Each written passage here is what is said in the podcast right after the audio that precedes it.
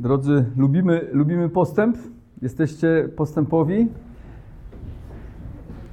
Niektórzy chcą być postępowi i chcą ciągle mieć nowe rzeczy. Jak wyjdzie nowy telefon, to zaraz e, chcą go mieć, zegarek czy jakiś model samochodu.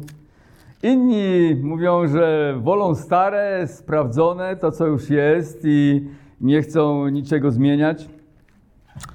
I chciałbym, żebyśmy dzisiaj trochę mówili o postępie. E, z Księgi Rodzaju, czwarty rozdział od 17 do 26 wiersza.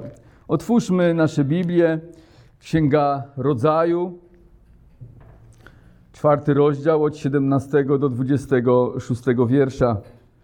I obcował Kań z żoną swoją, a ta poczęła i urodziła Henocha. Potem zbudował miasto i nazwał je imieniem syna swego Henoch. A Henochowi urodził się Irat. Irat zaś zrodził Mechujaela. A Mechujael zrodził Metuszaela. A Metuszael zrodził Lamecha. Lamech pojął sobie dwie żony. Imię jednej było Ada, a imię drugiej Sylla. Ada urodziła Jabala, który był praojcem mieszkających w namiotach i przy trzodach, a imię brata jego było Jubal, który był praojcem wszystkich grających na cytrze i na flecie. Również i Sylla urodziła Tubal Kaina, który wykuwał wszelkie narzędzia z miedzi i żelaza. Siostrą Tubal Kaina była Nama. I rzekł Lamek do swych żon, Ado i Syllo, słuchajcie głosu mojego, wy żony Lamecha, nadstawcie ucha na słowo moje, męża gotów jestem zabić, jeśli mnie zrani, a chłopca, jeśli mi zrobi siniec. Jeżeli Kain miał być pomszczony siedem razy, to Lamech siedemdziesiąt siedem razy. I obcował Adam jeszcze raz z żoną swoją, a ona urodziła syna i dała mu imię Set, mówiąc, Bóg dał mi innego potomka zamiast Abla, którego zabił Kain. Setowi także urodził się syn i nazwał go Enosz. Wtedy zaczęto wzywać imienia Pana. Poproszę Pana Boga o prowadzenie. Boże, dziękujemy Ci za Twoje słowo. Prowadź mnie, nas, abym ja mógł wyjaśniać, abyśmy byli zbudowani i mogli zastosować to słowo w naszym życiu. Amen. Drodzy, trzeba powiedzieć, że stan dzisiejszego rozwoju techniki i możliwości człowieka jest imponujący, prawda? Myślę sobie czasami, jakby żył mój dziadek, to pewnie by nie uwierzył, że tak mocno świat się rozwinął, a pradziadek jeszcze bardziej, jeszcze trudniej byłoby mu uwierzyć. Jeszcze 100 lat temu motoryzacja była w powijakach, a wiele urządzeń codziennego użytku, jak elektronarzędzia, roboty kuchenne, komputery, internet, telefony komórkowe, podróże w kosmos były jedynie obiektem marzeń i to jeszcze tych bardziej śmiałych. Jak ktoś miał dużą wyobraźnię, to tam patrzył w gwiazdy, no i mówi, może kiedyś, ale to niemożliwe. A teraz się okazuje, że jednak jest możliwe. Świat w ciągu 100 lat poczynił znaczny postęp, a za kolejne 100, czyli w roku 2123, jeśli świat wciąż będzie istniał, z pewnością rozwój będzie jeszcze większy. Możemy jedynie przypuszczać, że pojawią się na przykład samochody łączące funkcje samolotu.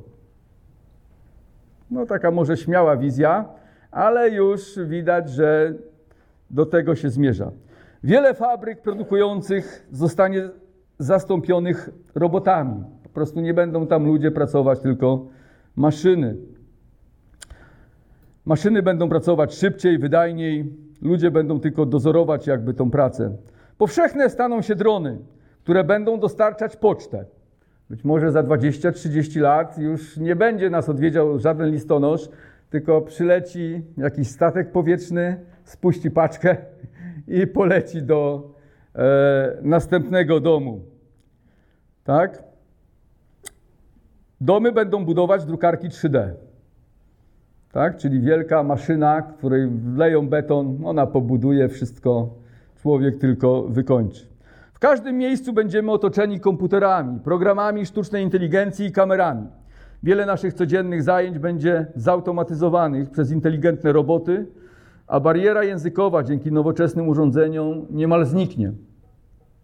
Jednak postęp bez Boga jest jak wspinanie się na drabinę sukcesu, by w końcu odkryć, że jest ona oparta o niewłaściwą ścianę. Jesteś już na samej górze, uczyniłeś wiele wysiłku, by tam się dostać, poświęciłeś wiele ofiar i wydałeś mnóstwo pieniędzy, by dowiedzieć się, że bez Boga tak naprawdę postęp nie ma wielkiego sensu. Zgodnie ze słowami naszego Pana z Łukasza 9:2, co z tego choćbyś cały świat pozyskał, a duszę zatracił. W naszym dzisiejszym fragmencie Bóg ukazuje nam, jak rozwija się pierwsza ludzkość i tworzą się pierwsze społeczeństwa. Widzimy tutaj, że pierwsza społeczność wywodzi się od Kaina, który zabił swojego brata. Kain został przeklęty i uciekł sprzed oblicza Boga, dając początek zepsutej ludzkości, która chce żyć jak najdalej od Pana. Widzimy to w naszym tekście. Druga społeczność wywodzi się od Seta. Są to ludzie, którzy chcą wzywać imienia Pana i szukać Jego oblicza, by w nim znaleźć wieczną nadzieję. Pierwsza społeczność reprezentuje cały świat. Ta Kain jest reprezentantem całego świata, który sprzeciwia się Bogu i upatruje sensu życia w rozwoju technologicznym, kulturowym, społecznym, medycznym. Społeczeństwo Kaina to społeczeństwo opierające swoją ufność na fundamencie materialnym i ludzkich osiągnięciach. Nasz świat stał się dzisiaj bardzo materialny. Bardzo. Szczególnie te zachodnie kraje rozwiniętej Europy, Stany Zjednoczone.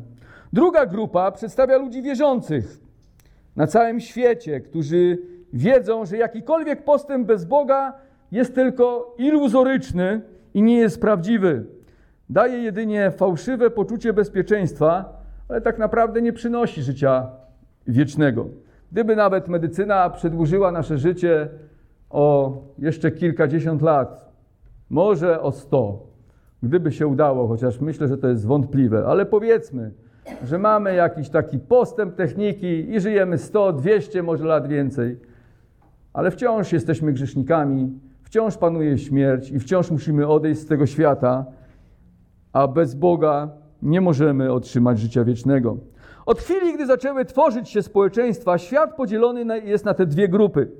Społeczeństwo Kaina i reprezentantem drugiej grupy jest Set. Kain to są ludzie kochający ten świat i jego system wartości.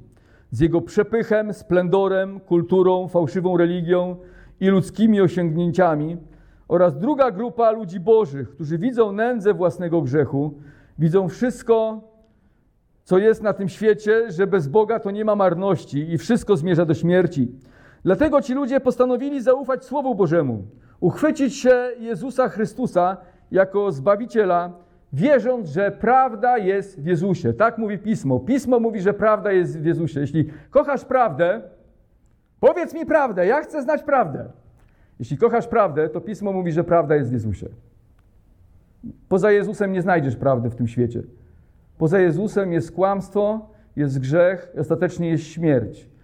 Salomon mówi, że wiele dróg człowiekowi zda się prostych. Jak jesteśmy młodzi, to wydaje nam się, że to będziemy robić, tamto będziemy robić, świat zawołujemy. Ale gdy przeczytacie dalszy fragment z Księgi Kaznadziei Salomona, to choć da się, zda się wiele dróg prostych, to Salomon mówi, że w końcu prowadzą do śmierci. W końcu prowadzą do śmierci. Prawda jest w Jezusie Chrystusie. Tylko Jezus Chrystus daje nadzieję i życie wieczne. Teraz przyjrzymy się bliżej naszemu tekstowi i tym dwóm grup, grupom ludzi. Zanim przejdziemy głębiej, należy wyjaśnić częste pytanie, z którym się ja przynajmniej często spotykam. Skąd Kain miał żonę? Prawda? Bo tutaj czytamy i obcował Kain z żoną swoją, a ta poczęła i urodziła Henocha. Skąd Kain miał żonę? Zastanawiałeś się nad tym? No, Biblia nie wyjaśnia nam wszystkiego, ale możemy z całą pewnością powiedzieć, że Kain ożenił się ze swoją siostrą lub ze swoją siostrzenicą, czyli po prostu córką, tak, brata albo siostry. Czytamy, że obcował Kain żoną swoją i urodziła Henocha. To więc na pewno e, miał żonę ze swojej rodziny, z dzieci Adama. Przypominam, że to nie jest e, też ten Henoch, którego urodziła e, żona Kaina, który chodził z Bogiem z piątego rozdziału Księgi Rodzaju. Niektórzy twierdzą, że oprócz Adama i Ewy na ziemi była jeszcze jakaś inna grupa ludzi, która rozwijała się niezależnie od nich, od nich i z tej społeczności Kain wziął małżonkę. Jednak jest to błędna droga. W rzeczywistości żoną Kaina była jego siostra i sprawa jest dosyć prosta i banalna. Biblia nie wymienia wszystkich dzieci Adama i Ewy, mówi tylko o tych, których życie i losy były związane z historią zbawienia. Zobaczcie, piąty rozdział, czwarty wiersz, że po zrodzeniu Seta żył Adam 800 lat i zrodził synów i córki. Policzyłem to. Gdyby Ewa rodziła dziecko co 20 lat, a to i tak dosyć rzadko, to urodziłaby 40 dzieci. Gdyby rodziła co 20 lat, tak? W ciągu swojego życia, gdyby rodziła do około 800, 800 roku życia, no bo później wiadomo, była starsza, to już też z tym rodzeniem było trudniej, to mogłaby urodzić około 40 y, dzieci. To więc nie wiemy tak naprawdę dokładnie, ile się urodziło dzieci e, Adamowi i Ewie, ale na pewno było kilka y, dziesiąt. Ktoś policzył, że w chwili śmierci Adama na ziemi mogło już mieszkać ponad milion jego potomków, a w czasie potopu nawet kilka miliardów. Tak, w czasie kilka miliardów. Zobaczcie, Adam żył 930 lat i jego potomkowie też żyli 900 lat. Ile mogli mieć dzieci, kolejni potomkowie? Po około 900 lat już ponad milion ludzi e, prawdopodobnie żyło po prostu na ziemi. Pamiętajcie, że ludzie nie chorowali wtedy, rzadko umierali, tak? Nie umierali na takie choroby jak my, nie było zawału w wieku 20 lat, czy tam 30. Po prostu klimat był inny, zdrowie było inne, byli silniejsi i mocniejsi. Teraz widzimy w naszym tekście, że Kain odchodzi od oblicza Pana. Czytamy, że on uciekł od oblicza Pana, odszedł. Jak wiemy, Bóg go przeklął i miał być tułaczem na ziemi.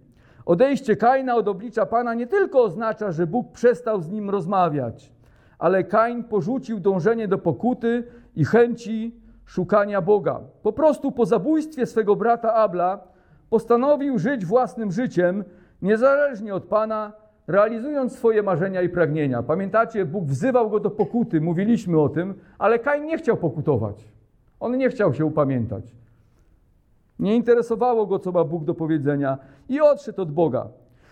To jest to, co dzisiaj czyni większość ludzi na świecie. Nie interesują się Bogiem, Biblią, co ma Bóg do powiedzenia na temat ich życia, grzechu oraz kwestii zbawienia.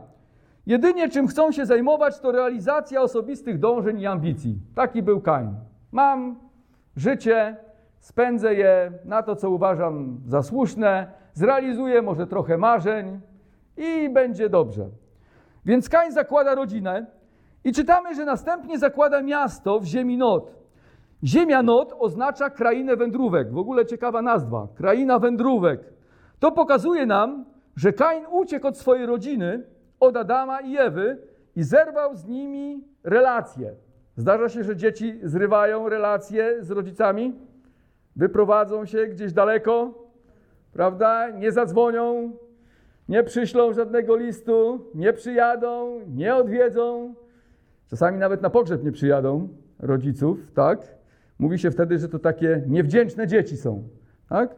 Ale widać, że Kain właśnie odszedł od Adama i Ewy, porzucił ich. Być może oni mówili mu o Bogu, żeby pokutował, żeby się upamiętał.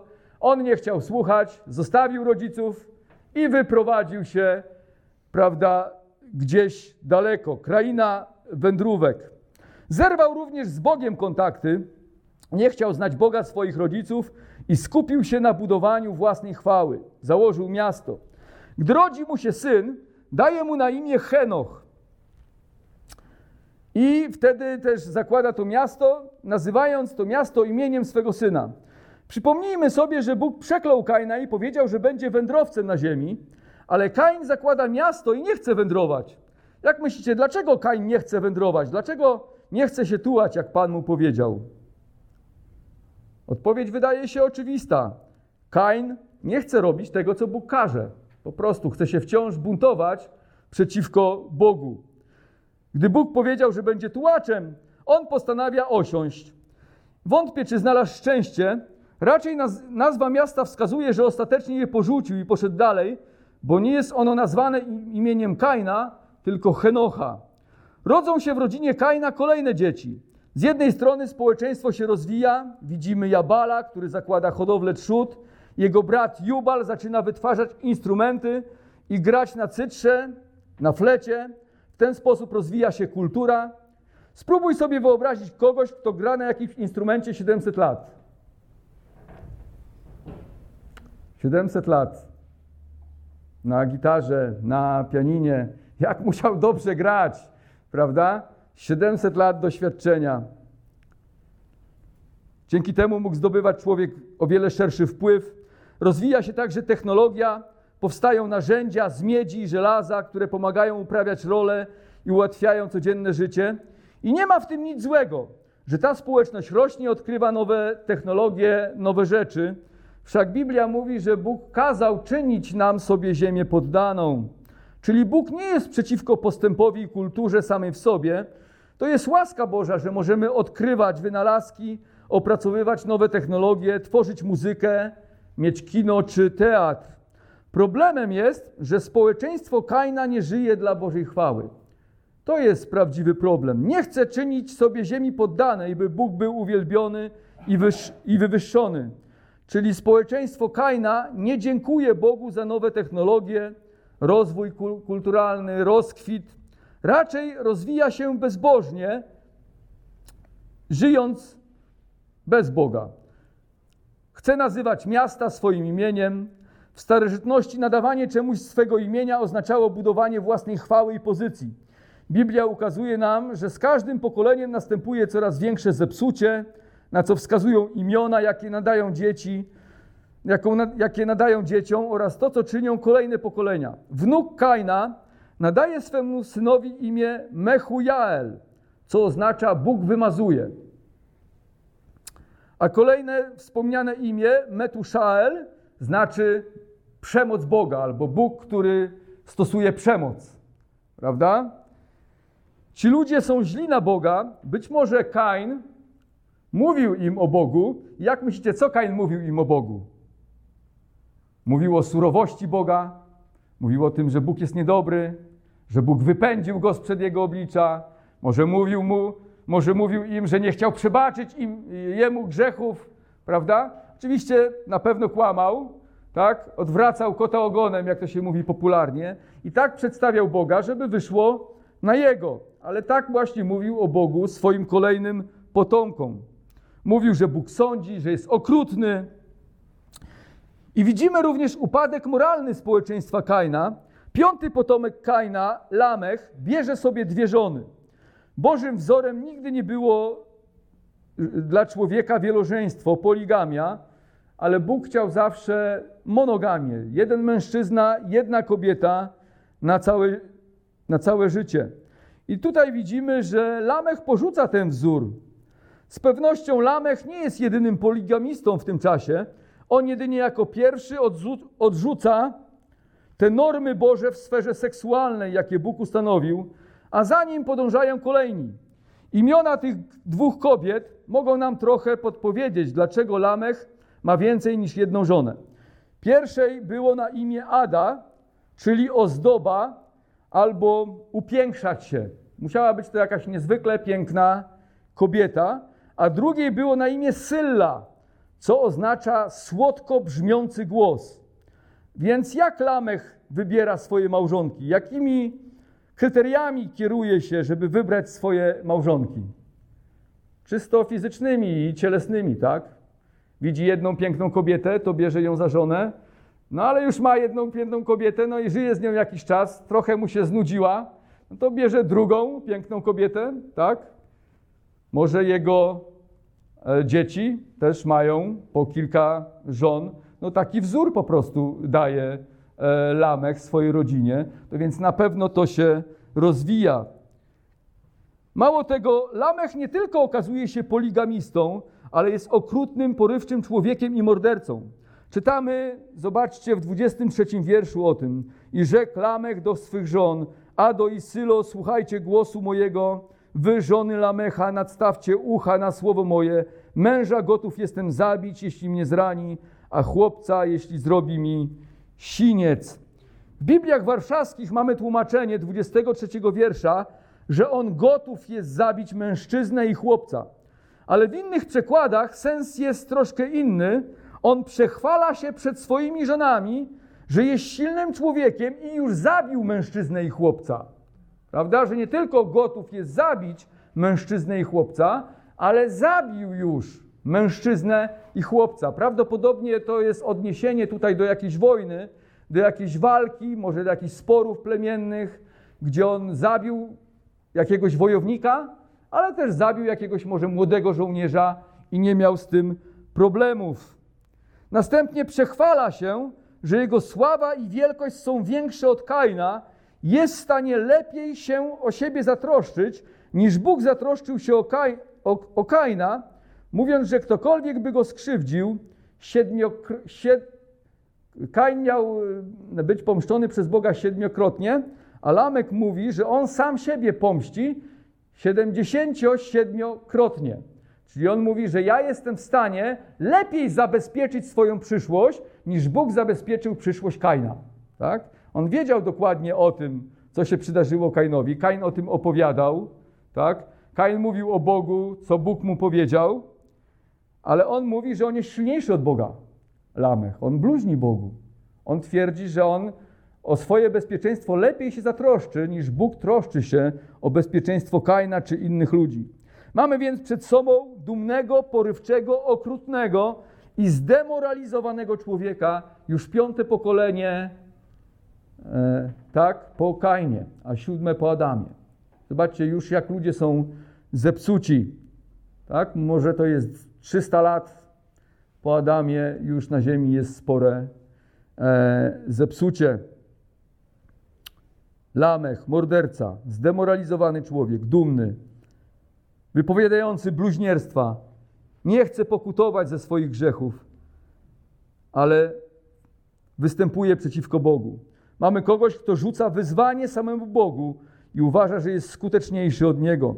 Mamy więc obraz coraz większej degradacji społecznej w sensie moralnym. Ludzkość już nie tylko grzeszy, ale chełpi się grzechem, jest dumna ze swojej nieprawości. Czy nie przypomina to naszych dzisiejszych społeczeństw, które porzucają Boże wartości w sferze seksualnej, poszanowania ludzkiego życia czy relacji społecznych z bliźnimi? Kilka dni, temu, kilka dni temu czytałem o kolejnym absurdzie, który tym razem miał miejsce w Holandii, że tytuł Miss Holandii został przyznany trans, transseksualnemu mężczyźnie. Jakby w Holandii nie było pięknych kobiet. Najpiękniejszą kobietą w Holandii jest mężczyzna. No to nie był żart, to było prawdziwe. Niestety następuje całkowite odwrócenie od wiecznych wartości. Podważa się płciowość człowieka, zmienia pojęcie małżeństwa, zaprzecza się przypisanej nam przez Boga roli biologicznej. Księga Izajasza mówi, piąty wiersz, dwudziesty, piąty rozdział, dwudziesty wiersz. Biada tym, którzy zło nazywają dobrem, a dobro złem, którzy zamieniają ciemność w światłość, a światłość w ciemność, zamieniają gorycz w słodycz, a słodycz w gorycz. Biada tym, którzy zło nazywają dobrem. Wydaje się, że to nie przypadek, że Lamech przechwala się morderstwem po tym, gdy nastąpiło wynalezienie miedzi i żelaza. Miedź i żelazo umożliwiało skuteczniejsze zabijanie ludzi przez miecze i włócznie. Oczywiście również służyło w rolnictwie i wyrobie różnego rodzaju narzędzi ułatwiających ludziom życie. Ale jak wiemy, to, co może ułatwiać nam życie, potrafimy również wykorzystywać do złych celów. Na przykład broń. Kiedyś używano do polowania, ale też zaczęto używać do zabijania ludzi. Tak jest choćby z energią atomową. Możemy mieć z niej prąd, prawda? Możemy zasilać z energii atomowej nasze domy, możemy mieć wspaniały rozwój technologii, ale wiemy, że też energia atomowa służy do masowej zagłady całych społeczeństw. W latach 50. rzucono dwie bomby w Japonii na Hiroshimę i Nagasaki i kilkaset tysięcy ludzi zmarło bardzo szybko. Tak więc to, co może ułatwiać nam życie, potrafimy wykorzystać do złych celów. I tak jest z wieloma rzeczami. Możemy przez wynalazki techniki, muzykę, kulturę rozwijać się społecznie na chwałę Boga, ale można również robić złe rzeczy, promować na przykład przez sztukę grzeszne treści lub muzykę, która zamiast koić zmysły, prowadzi do depresji, myśli samobójczych, a słowa piosenek wzywają do przemocy lub niemoralności. Prawda? Jak wiele dzisiaj jest takich utworów, które wzywa do tego, żeby pójść, zrobić coś złego, żeby skrzywdzić drugiego człowieka. I nieraz słyszę, sam słuchałem takiej muzyki, sam słuchałem takiej muzyki kiedyś. I młodzież też często dzisiaj słucha takiej muzyki, gdzie jest pełno przekleństw, pełno agresji, pełno wezwań do przemocy. A to wszystko często jest promowane pod hasłem postępu i wolności słowa. Ale postęp w grzechu nie jest żadnym postępem i tak naprawdę prowadzi do zniszczenia. Kiedyś nie zwracałem tak uwagi na przykład na treści piosenek, ale odkąd się nawróciłem, staram się nie słuchać złych przekazów, mając świadomość, że to wszystko wpada do mojego umysłu i serca i kształtuje moją postawę oraz myślenie. A filmy? Filmy. Jakie filmy oglądamy w naszych domach? Czy gdyby Jezus usiadł z nami na kanapie, czy oglądałby z nami ten film, który oglądamy w naszych domach, który włączamy w telewizji? Chcemy z Panem Jezusem obejrzeć film. Czy oglądalibyśmy ten film z Panem Jezusem, który oglądamy, albo książkę, którą czytamy? Polecilibyśmy Panu Jezusowi? Panie Jezu, świetną książkę przeczytałem, świetny film obejrzałem. Obejrzałbyś ze mną? Pomyśl o tym, bo to kształtuje Twoje postawy i myślenie oraz dążenia. Jaką chwałę by to przyniosło Bogu w moim życiu dzisiaj, gdybym oglądał czy słuchał takich treści, które, których Jezus nie chciałby słuchać ani oglądać. Jak wiemy, ród Kaina rozwijał się i plamił ziemię swoim grzechem, aż Bóg zdecydował o potopie na całej ziemi. Po kilku, minęło około, od tego momentu, kiedy Lamech, to minęło no tak z 1700 lat jeszcze, tak? To Bóg i tak był cierpliwy. Następnie mamy Seta. Set reprezentuje Boży lud. Pan nie pozostawił ludzkości na pastwę szatana i grzechu. Wzbudził Adamowi Ewie Seta, z linii którego miał narodzić się Zbawiciel. 25 wiersz. I obcował Adam jeszcze raz z żoną swoją, a ona, a ona urodziła syna i dała mu na imię Set. Mówiąc, Bóg dał mi innego potomka zamiast Abla, którego zabił Kain. Właśnie dlatego Set jest wspomniany w naszym tekście, bo Chrystus miał się narodzić z linii Seta. Wiemy, że Adam i Ewa mieli jeszcze wiele innych dzieci, a Set jest tym człowiekiem, z rodu którego później narodził się Noe, no, Noe zrodził Sema i minęło dziewięć pokoleń aż do Adama, któremu objawił się Bóg i zapowiedział, że z jego nasienia narodzi się Zbawiciel, przez którego przyjdzie błogosławieństwo dla wszystkich mieszkańców ziemi. Dziewięć pokoleń tak? Zobaczmy, że ratunek zawsze przychodzi od Boga i to nie człowiek coś zrobił, by wypełniła się obietnica z rodzaju 3:15. Pamiętacie tą obietnicę z Księgi Rodzaju 3:15? I ustanowię nieprzyjaźń między tobą a kobietą, to było po tym, jak Adam upadł i zgrzeszył, między twoim potomstwem a jej potomstwem, ono zdepcze ci głowę, a ty ukąsisz je w piętę. Czyli Bóg zapowiedział potomka, który przyjdzie i co zrobi? Zgniecie głowę węża. Tak? Ale ludzkość rozwija się tak, że nie zasługuje na Zbawiciela. Czy Bóg robi coś, żeby jednak ratować ludzkość? No robi, posyła seta. Posyła seta. Tak? Nie chce zagłady ludzkości, posyła nadzieję dla ludzkości, żeby w końcu kiedyś narodził się Zbawiciel i uratował ludzi. I zgniótł głowę węża, jak zapowiedział Bóg Adamowi Ewy. Mamy w naszym tekście wyraźny kontrast. Z jednej strony rozwój grzesznej ludzkości, pomysły człowieka na ratunek, pokój, szczęście i wspaniałe społeczeństwo, co zawsze zawodzi, a z drugiej widzimy łaskę naszego Pana, że pomimo rozwoju grzeszności ludzi, On nie porzuca nas, ale podnosi z naszej nędzy i ratuje. Jakie to jest pocieszające dla każdego z nas, że Bóg jest miłosierny, że jest dobry i choć nie zasługujemy na Jego ratunek, to On chce nas uratować. Możemy powiedzieć: Dziękuję Ci, Boże, że nie pozostawiłeś nas samym sobie jak to niestety często wielu pragnie, by Bóg się od nich odczepił i dał im w końcu spokój. Czasami słyszę, czy on nie może się ode mnie odczepić, ciągle czegoś ode mnie chce i jeszcze pozywa mnie na sąd. Niech się ode mnie odczepi. Set, który urodził się Adamowi i Ewie, jest reprezentantem Bożego ludu. Wszyscy ci, którzy uwierzą w Pana, są duchowymi spadkobiercami Seta. Nie czytamy o nikim z linii Kaina, żeby uwierzył w Boga i chodził z Bogiem i okazywał mu posłuszeństwo. Ale czytamy o linii Seta, że wtedy zaczęto wzywać imienia Pana. Kiedy urodził się Set, zaczęto wzywać imienia Pana. Jego ród zaczął wzywać imienia Pana. Co się stało z Setem? Co takiego się zmieniło?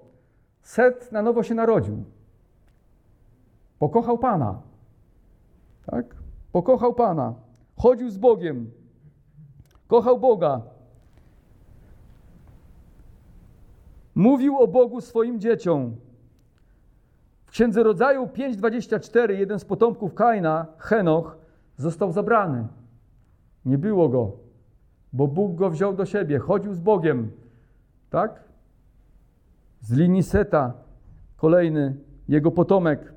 Mamy również Noego z linii Seta, który był sprawiedliwy w oczach Boga, a Pan ocalił go od potopu.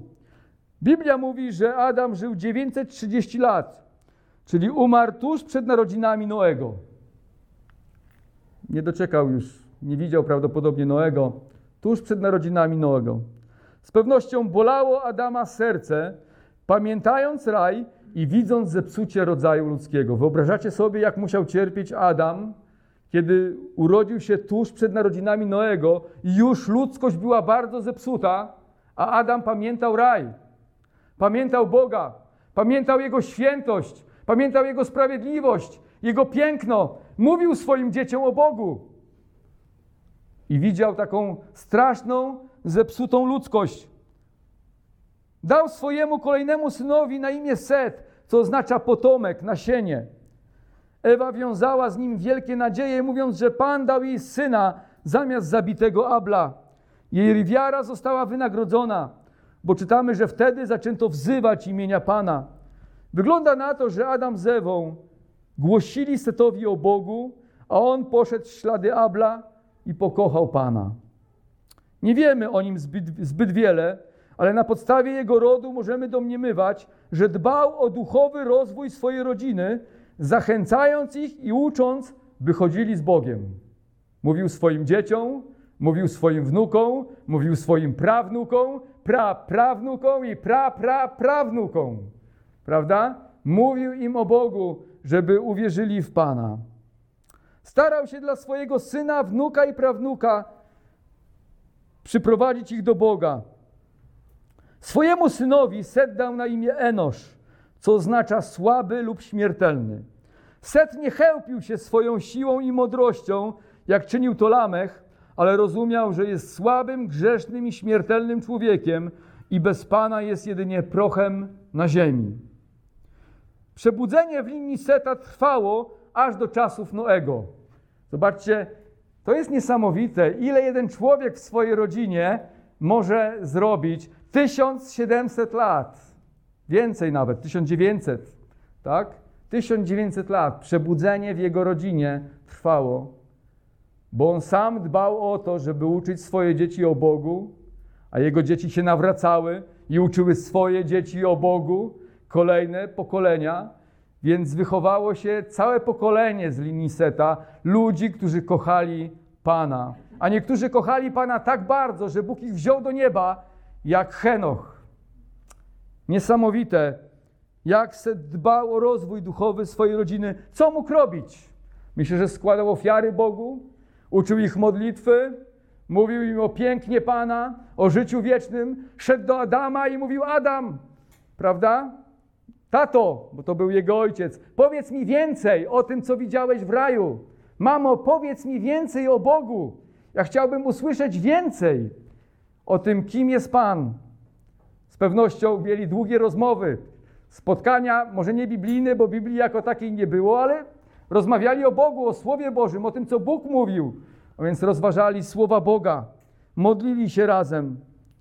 Dajmy Dajmy szansę naszym dzieciom zbliżyć się do Pana i poznać Go. Uczmy ich modlitwy, uczmy ich Słowa Bożego. To jest o wiele więcej niż wszystkie skarby tego świata. Nasze dzieci nie muszą skończyć super szkoły, żeby mieć życie wieczne. Nie muszą umieć kilku języków, by mieć przebaczone grzechy. Nie potrzebują mieć wszystkich gadżetów, by dostąpić szczęśliwego, spełnionego życia, ale do tego wszystkiego potrzebują Jezusa Chrystusa. Chrystusa potrzebują nasze dzieci, przede wszystkim Chrystusa. On przebacza nasze grzechy i daje życie wieczne, zapewniając szczęście i pokój z Bogiem oraz spełnione życie. Zgodnie ze słowami psalmu, jeśli Pan domu nie zbuduje, próżno trudzą się ci, którzy go budują. Chcesz mieć szczęśliwą rodzinę? Ucz swoje dzieci o Bogu. Staraj się, aby w Twojej rodzinie Bóg był na pierwszym miejscu. Starajmy się o to w naszych rodzinach, by wzywano imienia Pana w naszych domach. Starajmy się o to dla naszego kościoła, starajmy się o to dla naszego miasta i dla naszego kraju.